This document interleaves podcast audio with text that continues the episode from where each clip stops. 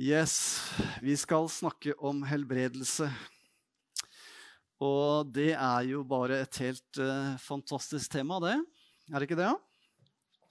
Amen. Men det er ikke bare et tema. Vi må jo få det til å bli en realitet inn i våre liv også, ikke sant? Hvis det bare er eh, reinspikka teori, så, så, er det ikke så innmari moro. jeg liker teori, men jeg liker realiteter mye, mye bedre. Amen. Så vi skal ha nattverd eh, sammen på slutten av møtet, og vi skal be for syke. Åh, det er bare, Jeg har fått sånn tro på det å be for syke at uh, jeg kjenner at det er noe nytt Gud har gjort. Og jeg tror det er noe nytt som bare kommer sterkere og sterkere. Vi nærmer oss jo den tiden hvor Jesus kommer tilbake. Amen, gjør vi ikke det? Og jeg vil bare be litt før vi bare går løs på dette vidunderlige temaet. Jeg takker deg, Herre Jesus. Jeg priser og ærer deg, Herre. Takk, Jesus, for at det er strømmer av levende vann fra din trone, Herre. Og jeg bare priser og ærer deg. Takk at vi bare kan stå i denne strømmen, Herre, hvor det er din salvelse som gjør hele forskjellen. Og vi vil dra fra ditt hjerte i dag, Herre. For jeg vet du har noe for hver eneste en av oss, Herre. Du ønsker å berøre oss med din Hellige Ånd og med din forløsende kraft til legedom og helbredelse. Jeg bare priser og ærer deg. Halleluja. Amen. Amen. Oh. Som sagt så har jeg fått tro for helbredelse mer enn noen gang. Jeg har jo hatt så mye undervisning egentlig om helbredelse tidligere. Men jeg kjenner at det er noe som har kobla seg inn. Det er noe mer. Um, og Gud, altså Hele forskjellen er jo når Gud kommer med sin salvelse, og når gavene er i funksjon. Amen. Og så er det noe som må ryddes vekk her inne også, slik at vi kan ta imot det som virkelig Gud ønsker å gi oss når det gjelder helbredelse. Og om du er normal, et normalt menneske, så har du en lidenskap, en passion, for å se mennesker bli helbredet. Og det er jo sånn at Når vi kjenner dette her, når du blir frelst, og du kjenner dette at åh, jeg må bare legge hendene på noen syke, så jeg kan se de helbredet, da er jo det bare en avspeiling av Guds natur. Amen. For sånn er Gud. Jesus, når han gikk på denne kloden vår, så forkynte han ikke sånn direkte helbredelse, men han forkynte riket. Han sa, 'Riket er kommet nær'. Og når han forkynte Guds rike, så skjedde det helbredelser. Altså, Forkynnelsen av Guds rike hører uløselig sammen med helbredelse. Amen. Og vi tenker ofte at det er et sånt skille mellom det å bli frelst og det å bli helbredet. Vi setter noen kunstige skillelinjer. Men når Jesus gikk på kloden vår, så var det, det, Der han kom, så var det helbredelser. Og dette er egentlig det som er helt naturlig. Det er sånn det skal være. Men vi har kommet litt på sidelinjen av det som er naturlig. Og Det står jo i Romerbrevet kapittel 10 at eh, dersom du bekjenner Herren Jesus med din munn og tror i ditt hjerte at Gud har oppreist ham fra de døde, så skal du bli frelst. Og det ordet, det greske ordet som er brukt her, soso, det er ikke bare snakk om frelse i den forstand at vi skal få en evighet og vi kommer inn i dette nære fellesskapet med Gud, men det ordet inneholder det å være frisk, uskadd, en tilstand av helse og fremgang. Altså, I dette ordet frelse så ligger det ikke bare at du, når du tar imot Jesus Kristus som Herre i ditt liv, og du blir en ny skapning her inne, men i ordet frelse så ligger det også legedom og frelse, altså fremgang. Alt dette ligger i hele pakka. Når Jesus forkynte Guds rike, så var det akkurat dette som skjedde. Amen. Hele pakka. Og vi må ha hele pakka. Fordi at eh, det starta jo så fint. Alt var jo total harmoni. Det var jo så fint i Edens hage. Det var ikke noe sykdom. Fordi at når Gud skapte, så var alt godt. Men gjennom synden så kom døden inn i verden. Det var ikke noe død før syndefallet. Og hør nå. Når døden kom, altså når Adam og Eva syndet, så skjedde det en død i deres indre. Og sykdom, altså død altså Sykdom er jo bare begynnelse på død. All sykdom er livsfarlig, egentlig. Du kan dø av en influensa, du kan dø av en forkjølelse hvis ikke du har et immunapparat som tar seg av det og på en måte stopper den infeksjonen. Altså, All sykdom har en hensikt, og det er å få deg i grava. All sykdom er en forbannelse. Det er ikke slik at noe sykdom det er greit å få med seg. liksom. Fordi at jeg kjenner at det gir meg litt sånn mer energi og futt i hverdagen. All sykdom er rett og slett fra djevelen. All sykdom. Og det kom inn i verden gjennom syndefallet. Og da var det slik at når syndefallet skjedde, så åpnet det opp for alle disse destruktive kreftene. Altså selve synden er roten. Men sykdommen kom som en frukt av synden. Altså, sykdom har sin årsak i synden. Slik at eh, synden er selve roten, og frukten, det er sykdommen. Og da må, hvis du da gjør noe med roten, så gjør du også noe med frukten. Synden kom inn i verden. Og det som skjedde, var at den frukten som da vokste frem, det var råtten frukt. Altså, Før syndefallet så var det slik at det indre guddommelige livet som Adam og Eva bar med seg, det brakte fram helse. Kontinuerlig helse, evig liv. Fordi at det var en rettferdighet der inne som brakte det, slik at frukten i Adams og Evas liv før syndefallet, det var helse og evig liv. De var skapt til å leve i all evighet så kom synden inn, og synden frembrakte noe helt annet. Den frembrakte ikke helse, den frembrakte sykdom. All sykdom er en forbannelse. Absolutt all sykdom er en forbannelse. Så står det i Salme 103 og vers 2 og 3. Og det er David. Dette er 1000 år før Jesus ble korsfesta så ser han inn i fremtiden, og han ser forsoningen. Og så skriver han, eller synger han i Salme 103.: Min sjel, lov Herren, og glem ikke alle hans velgjerninger. Og så er det to ting som David ser inn i. Han skriver videre, eller han synger videre. Han som tilgir alle mine misgjerninger, som helbreder alle dine sykdommer.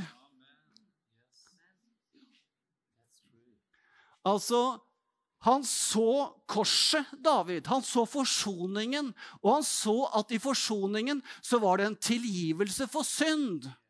Men gjennom tilgivelsen for synd så var det helbredelse av sykdom. Amen. Han ser begge deler. Begge sider av mynten. Altså, den ene siden av mynten, det er tilgivelse for synd.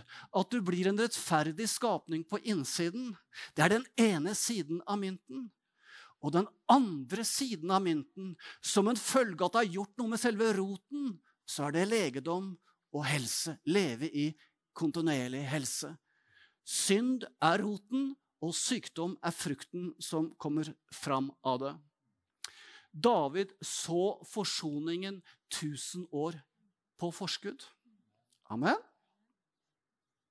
Så sier også David her i Salme 103 vers 2.: Og glem ikke alle hans velgjerninger. Og vi kan sitere det, og så tenker vi at jo, det har du gjort for meg, Gud, og det har du gjort for meg. Men hvis vi leser dette litt i sammenheng, da Glem ikke alle hans velgjerninger. Ja, hva da? Som tilgir alle dine misgjerninger og helbreder alle dine sykdommer. Vi kan gjerne være så glad for at han har tilgitt oss synden, men vi glemmer at han har helbredet våre sykdommer. Glem ikke noen av hans velgjerninger. Vi skal minnes både at vi har blitt nye skapninger i Kristus, men like fullt og like mye at vi har fått helbredelse gjennom forsoningen. Amen. Så går vi til Jesajas.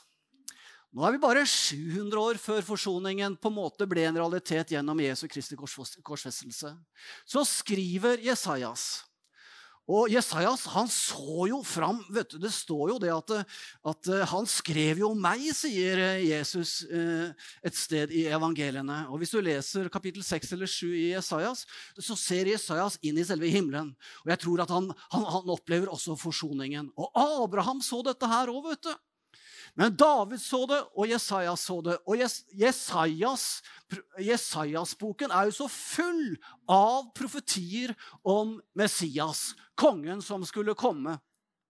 Så skriver Jesajas i Jesajas kapittel 53 og nå begynner han å beskrive korsfestelsen. Han begynner å beskrive forsoningen. Og så skriver han sannelig Det var våre sykdommer han tok på seg eller bar. Det hebraiske ordet nasa, det er bar. Han bar våre sykdommer. Og det var våre smerter han bar. Men vi regnet ham som rammet, slått av Gud og gjort elendig. Men han ble såret for våre lovbrudd. Han ble knust for våre synder. Misgjerninger. Straffen rammet ham for at vi skulle ha fred. Og ved hans sår har vi fått legedom. Altså, Jesajas så forsoningen på forskudd. 700 år før. Altså, her ser vi det. Begge sider av mynten igjen. Både at han tok våre synder, og han tok våre sykdommer. Begge deler er i forsoningen. Amen. Og så sier Gud om seg selv i 2. Mosebok kapittel 15 og vers 6. Jeg er Herren, Han som helbreder dere. Og det som står på hebraisk der, det er Jehova Rafa. Amen. Jeg er Herren din lege. Det er sånn Gud omtaler seg selv. Vet du hva? Guds navn er helbrederen. Det er Guds natur å bringe helbredelse inn i våre liv. Amen. Og Hvis vi leser videre i Jesajas kapittel 53, så står det det behaget Herren å knuse ham, altså knuse Jesus. Han slo ham med sykdom. Der han hang på det korset, så ble han slått, han ble knust, han ble slått med sykdom. Full av sykdom. Og så står det videre i Esaias 53 og vers 11.: Fordi hans sjel har litt, skal han se det og mette mettes eller satisfied, blir tilfredsstilt. Hør nå. Gud er tilfredsstilt ved Jesu fullbrakte verk på Golgata kors. Vi kan ikke legge noe til. Vi kan ikke, vi kan ikke gjøre noe mer enn det som allerede Jesus har gjort. Det er fullbrakt, det er fullført. Derfor skal jeg gi ham de mange til del, og han skal få de sterke som bytte, fordi han utøste sin sjel like til døden og ble regnet blant overtredere. Han bar mange synd og gikk i forbønn for lovbrytere. Og dette ordet 'bar synd' det er dette hebraiske ordet 'nasa'. Jeg vet ikke helt hvordan det uttales, men det er i hvert fall det som står på hebraisk. Og Hvis vi nå går tilbake igjen til Jesaja 53, 4, så står det at han tok på seg, han bar våre sykdommer. Og det er nøyaktig samme ordet som er brukt på hebraisk. Altså, når Jesus bar noe, så bar han din synd. Men han bar også din sykdom. Begge deler. Ser dere det? Det er samme ordet som er brukt for å beskrive at når han tok det ene, så tok han det andre. Amen! Han tok begge deler. Og så ser Paulus tilbake på forsoningen. Da var korsfestelsen allerede et faktum. Og så skriver Paulus, for han som ikke kjente til synd, gjorde Gud til synd for oss. På korset så ble han gjort til synd. Og så skriver han at han ble en forbannelse for oss. Paulus ser tilbake på forsoningen. Og så kan vi lese i Matteus da kvelden kom, førte de til ham mange demonbesatte. Han drev ut åndene med et ord og helbredet alle som var syke. Slik ble det oppfylt som var talt ved profeten Jesajas når han sier, Han selv tok våre skrøpeligheter og bar våre sykdommer. Altså, Vi har vitnesbyrd etter vitnesbyrd i Skriften at når han bar våre synder, så bar han også våre sykdommer. Du kan ikke skille de to. De er, så, de, de er som hånd i hanske. De er så nært knyttet til hverandre. Matteus ser tilbake på forsoningen. Og så står det noe av det samme i første Peters brev også, kapittel 2 og vers 24. Han som selv bar våre synder på sin egen kropp opp på treet, for at vi døde fra syndene, skulle leve for rettferdigheten. Og ved hans sår ble dere lekt. Altså begge sider av mynten. Både at han tok våre synder og våre sykdommer. Begge sider av mynten. Så Peter ser tilbake på forsoningen. Så er det en fantastisk fortelling i Markus kapittel 2. Da er det en lam mann som blir båret av fire kamerater. Og så kommer de ikke inn i huset. De river opp taket, og de firer denne lamme mannen ned foran Jesus. Og så sier Jesus, når denne mannen, lamme mannen fires ned foran ham Da Jesus så ser deres tro, sier han til den lamme, 'Sønn, dine synder er deg tilgitt'. Han starter der. Han starter med roten. Ser dere det? Sønn, dine synder er deg tilgitt. Og så sier han videre i vers 10.: Men for at dere skal vite at menneskesønnen har myndighet, fullmakt, på jorden til å tilgi synder. Altså, da Jesus kom, så hadde han fullmakt til å tilgi synder, fordi han var syndefri. Han kom som det sanne mennesket som Gud hadde gitt autoritet over hele skapelsen. For det var det Gud gjorde i skapelsen. Da ga han mennesket full autoritet. Men når Adam og Eva syndet, så ga de fra seg autoriteten til djevelen. Og nå kommer Jesus som sann Gud og sant menneske, tar autoriteten tilbake, og så sier han til denne lamme mannen som ligger foran ham, Sønn, dine synder er deg tilgitt. Amen. Og så taler han til den lamme og sier, Stå opp, ta sengen din og gå til ditt hus. Og han sto opp med en gang, tok sengen og gikk ut rett fremfor dem alle, så de ble forundret og æret Gud og sa, Aldri har vi sett noe slikt som dette. Altså, han gjorde noe med synden først. Jesus hadde fullmakt til å tilgi synd. Han var syndefri. Og da han helbredet den lamme, så demonstrerte han at han hadde denne autoriteten til å tilgi synd. Amen.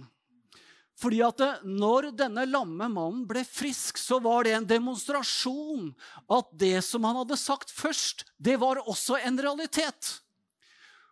Og hva er lettest å si? 'Dine synder er deg tilgitt', eller 'gå, stå opp, reis deg og gå'? Vær helbredet. Det letteste er å si 'dine synder er deg tilgitt', for det kan du ikke se. Det er noe som har skjedd i den usynlige verden. Så det er ikke så lett for folk å sjekke det ut. Men jeg, om, han, om, jeg hadde sagt, og det lå en lam her sånn Ja, dine syndere er tilgitt, reis deg opp og gå. Da skjønner du at jeg har med en mektig Gud å gjøre. Amen. Og hør nå. Tenk dere, altså Jesus kommer på denne kloden. Og han går iblant alle disse menneskene. Og så helbreder han. Og så helbreder han, og så helbreder han. Men han flyter i denne kraften og i denne autoriteten til å tilgi synd.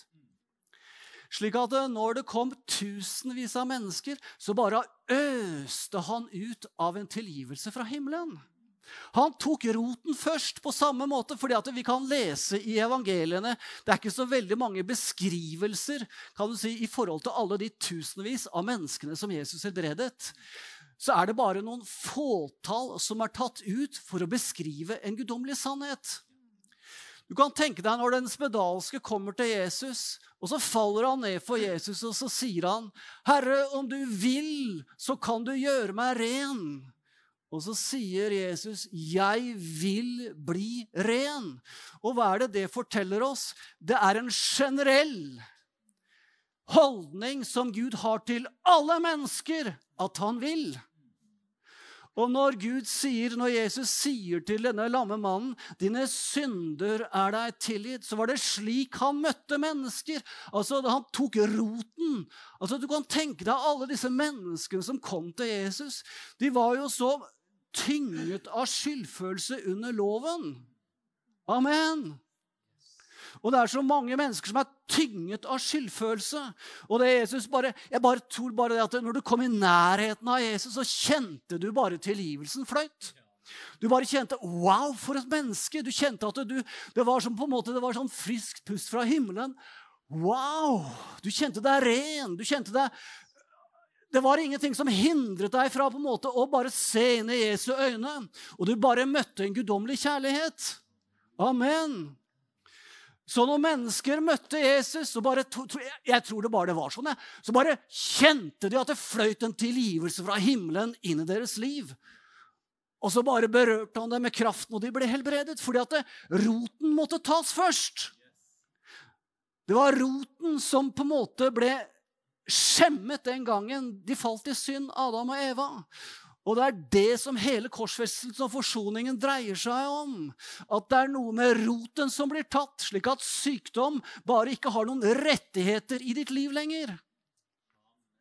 Amen. Og hør nå. Hva er det som gir oss en rettighet? Det er inngått en blodspakt med oss.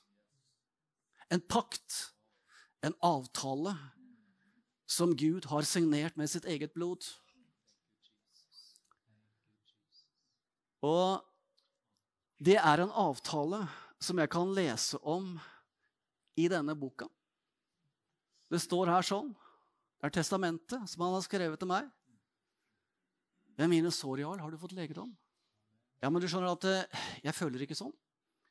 Eh, kroppen min forteller meg at eh, det er noe annet på gang her. Nei, men ordet sier I testamentet hans så står det ved hans sår har jeg fått legedom. Tenk deg at eh, jeg ligger sammen med Mona i senga om morgenen, og så våkner Mona, og så sier hun du, jeg føler ikke at jeg er gift lenger. Jeg, jeg føler ingenting for det lenger. Jeg. Og hvis jeg hadde hatt vigselsattesten i skuffen, så kunne jeg sagt det står svart på hvitt du er gift med meg. Nytter ikke å løpe unna det. Da må du gjennom en litt større prosess. skjønner du. Nytter ikke hva du føler da.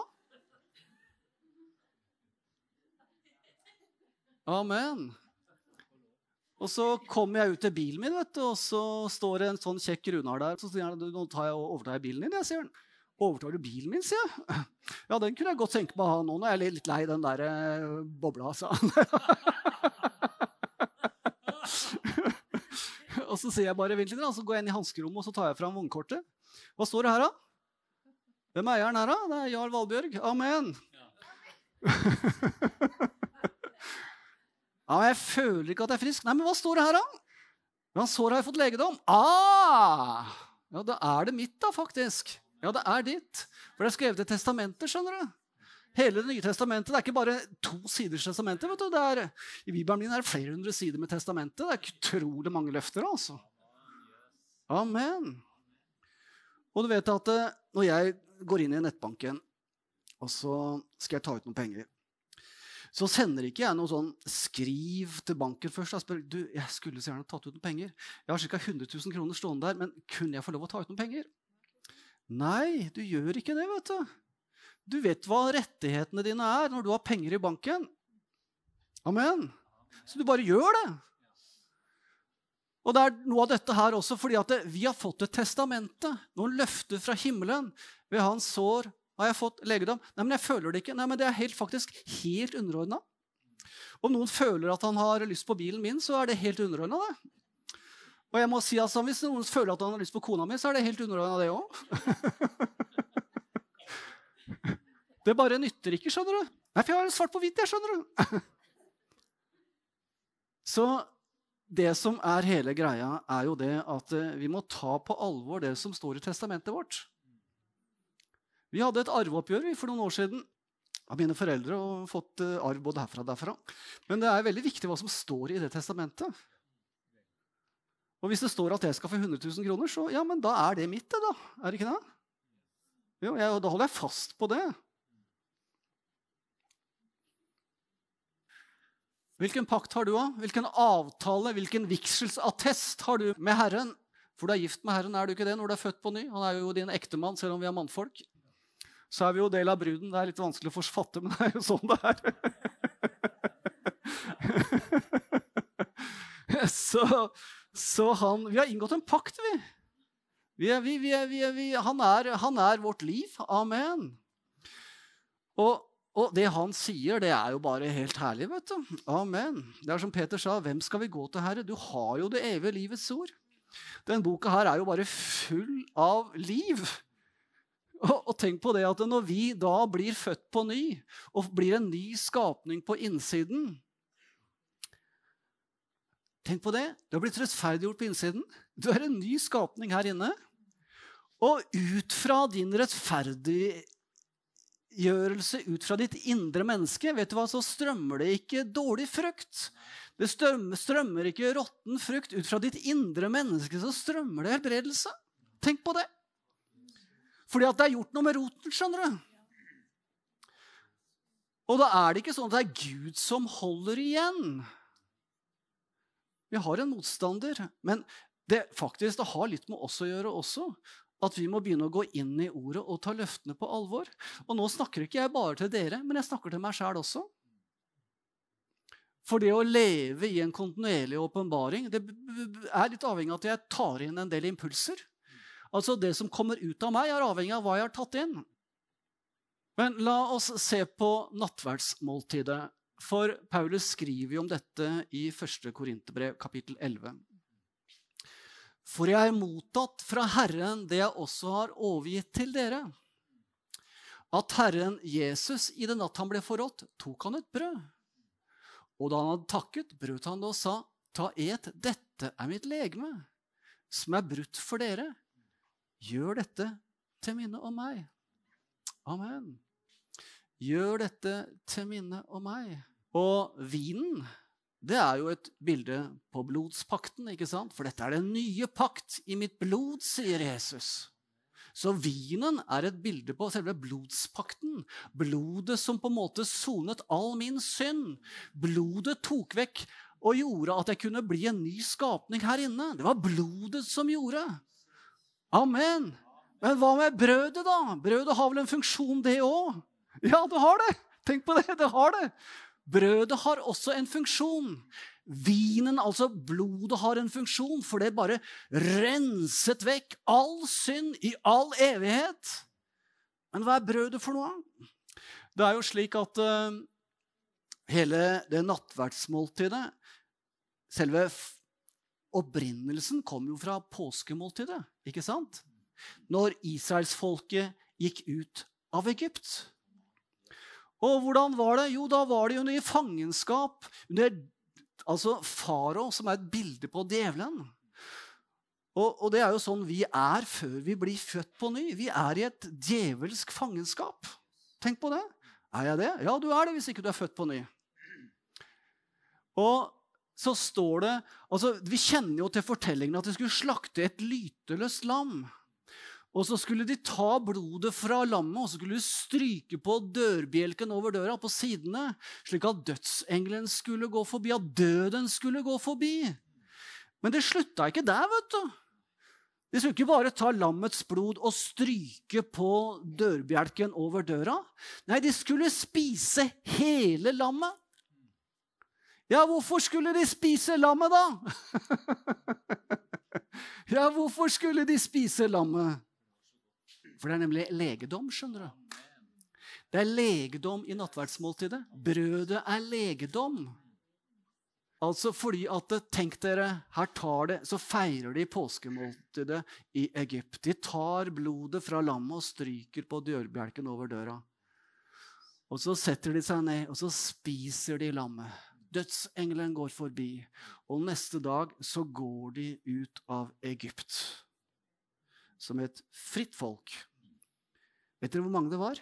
Kanskje tre til fire millioner mennesker. Det var masse mennesker som gikk ut.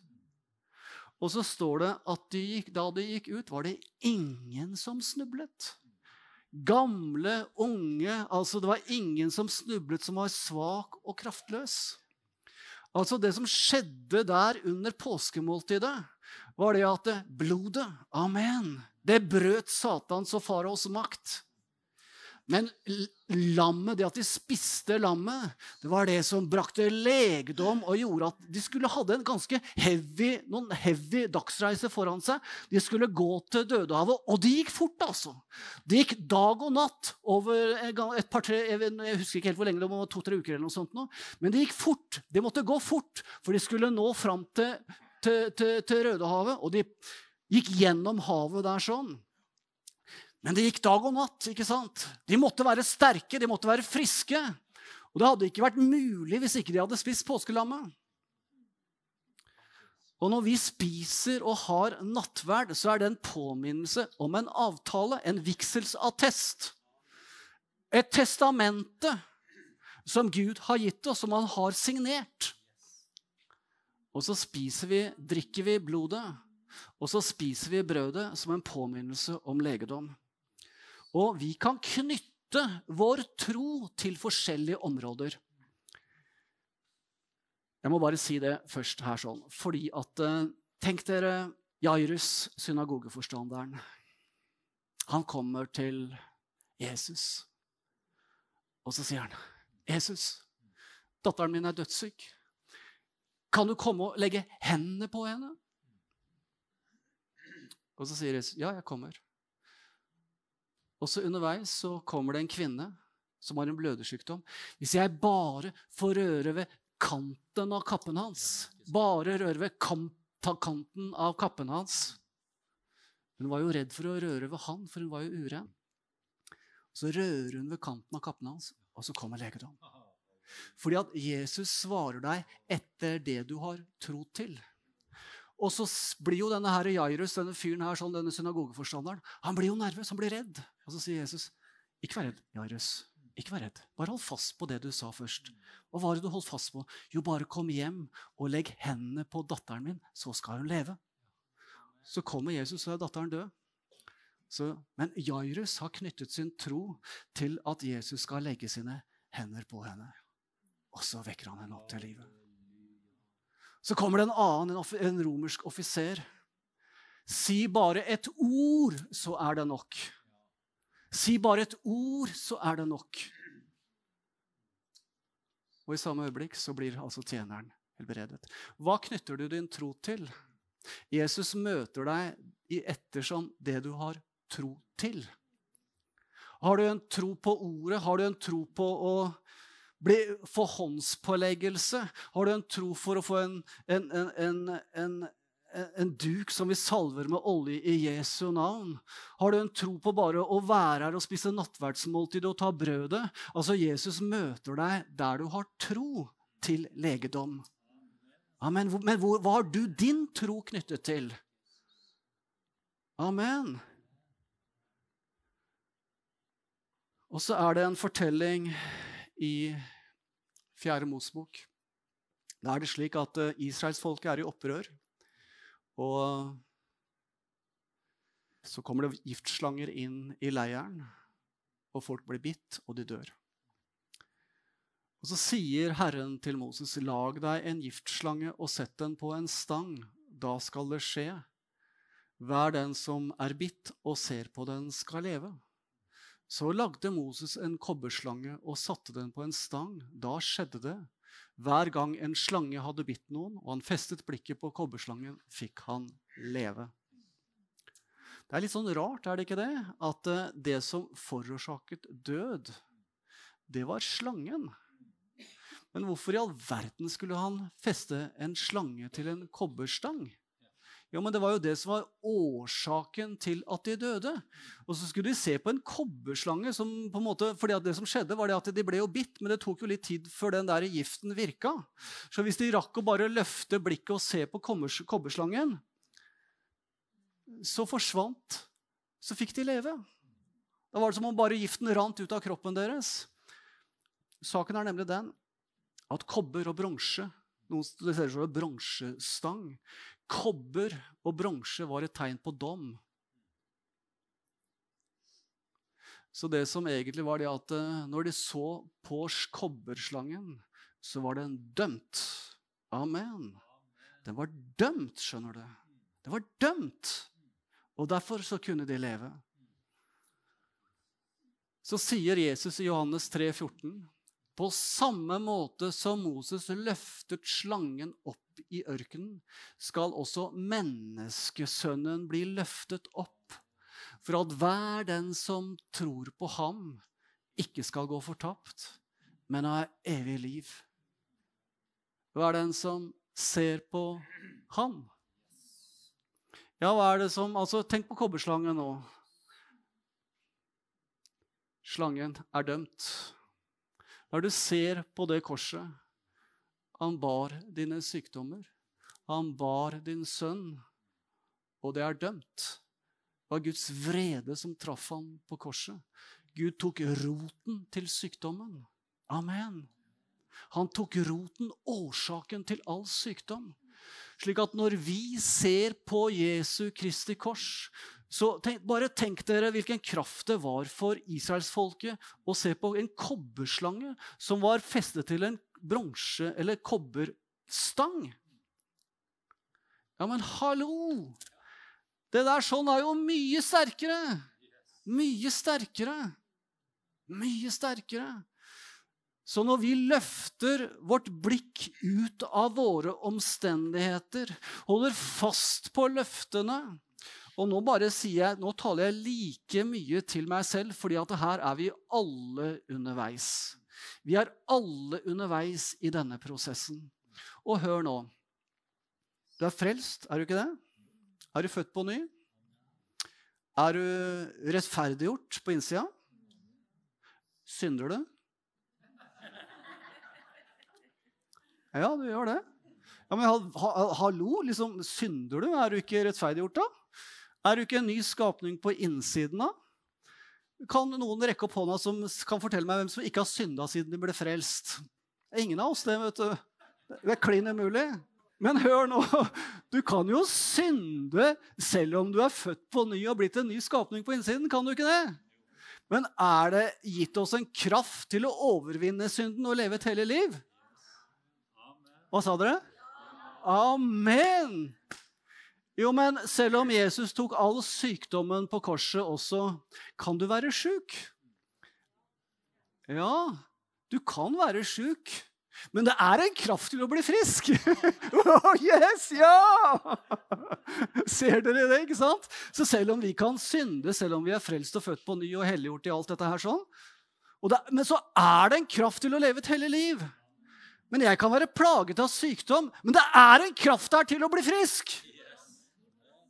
Amen!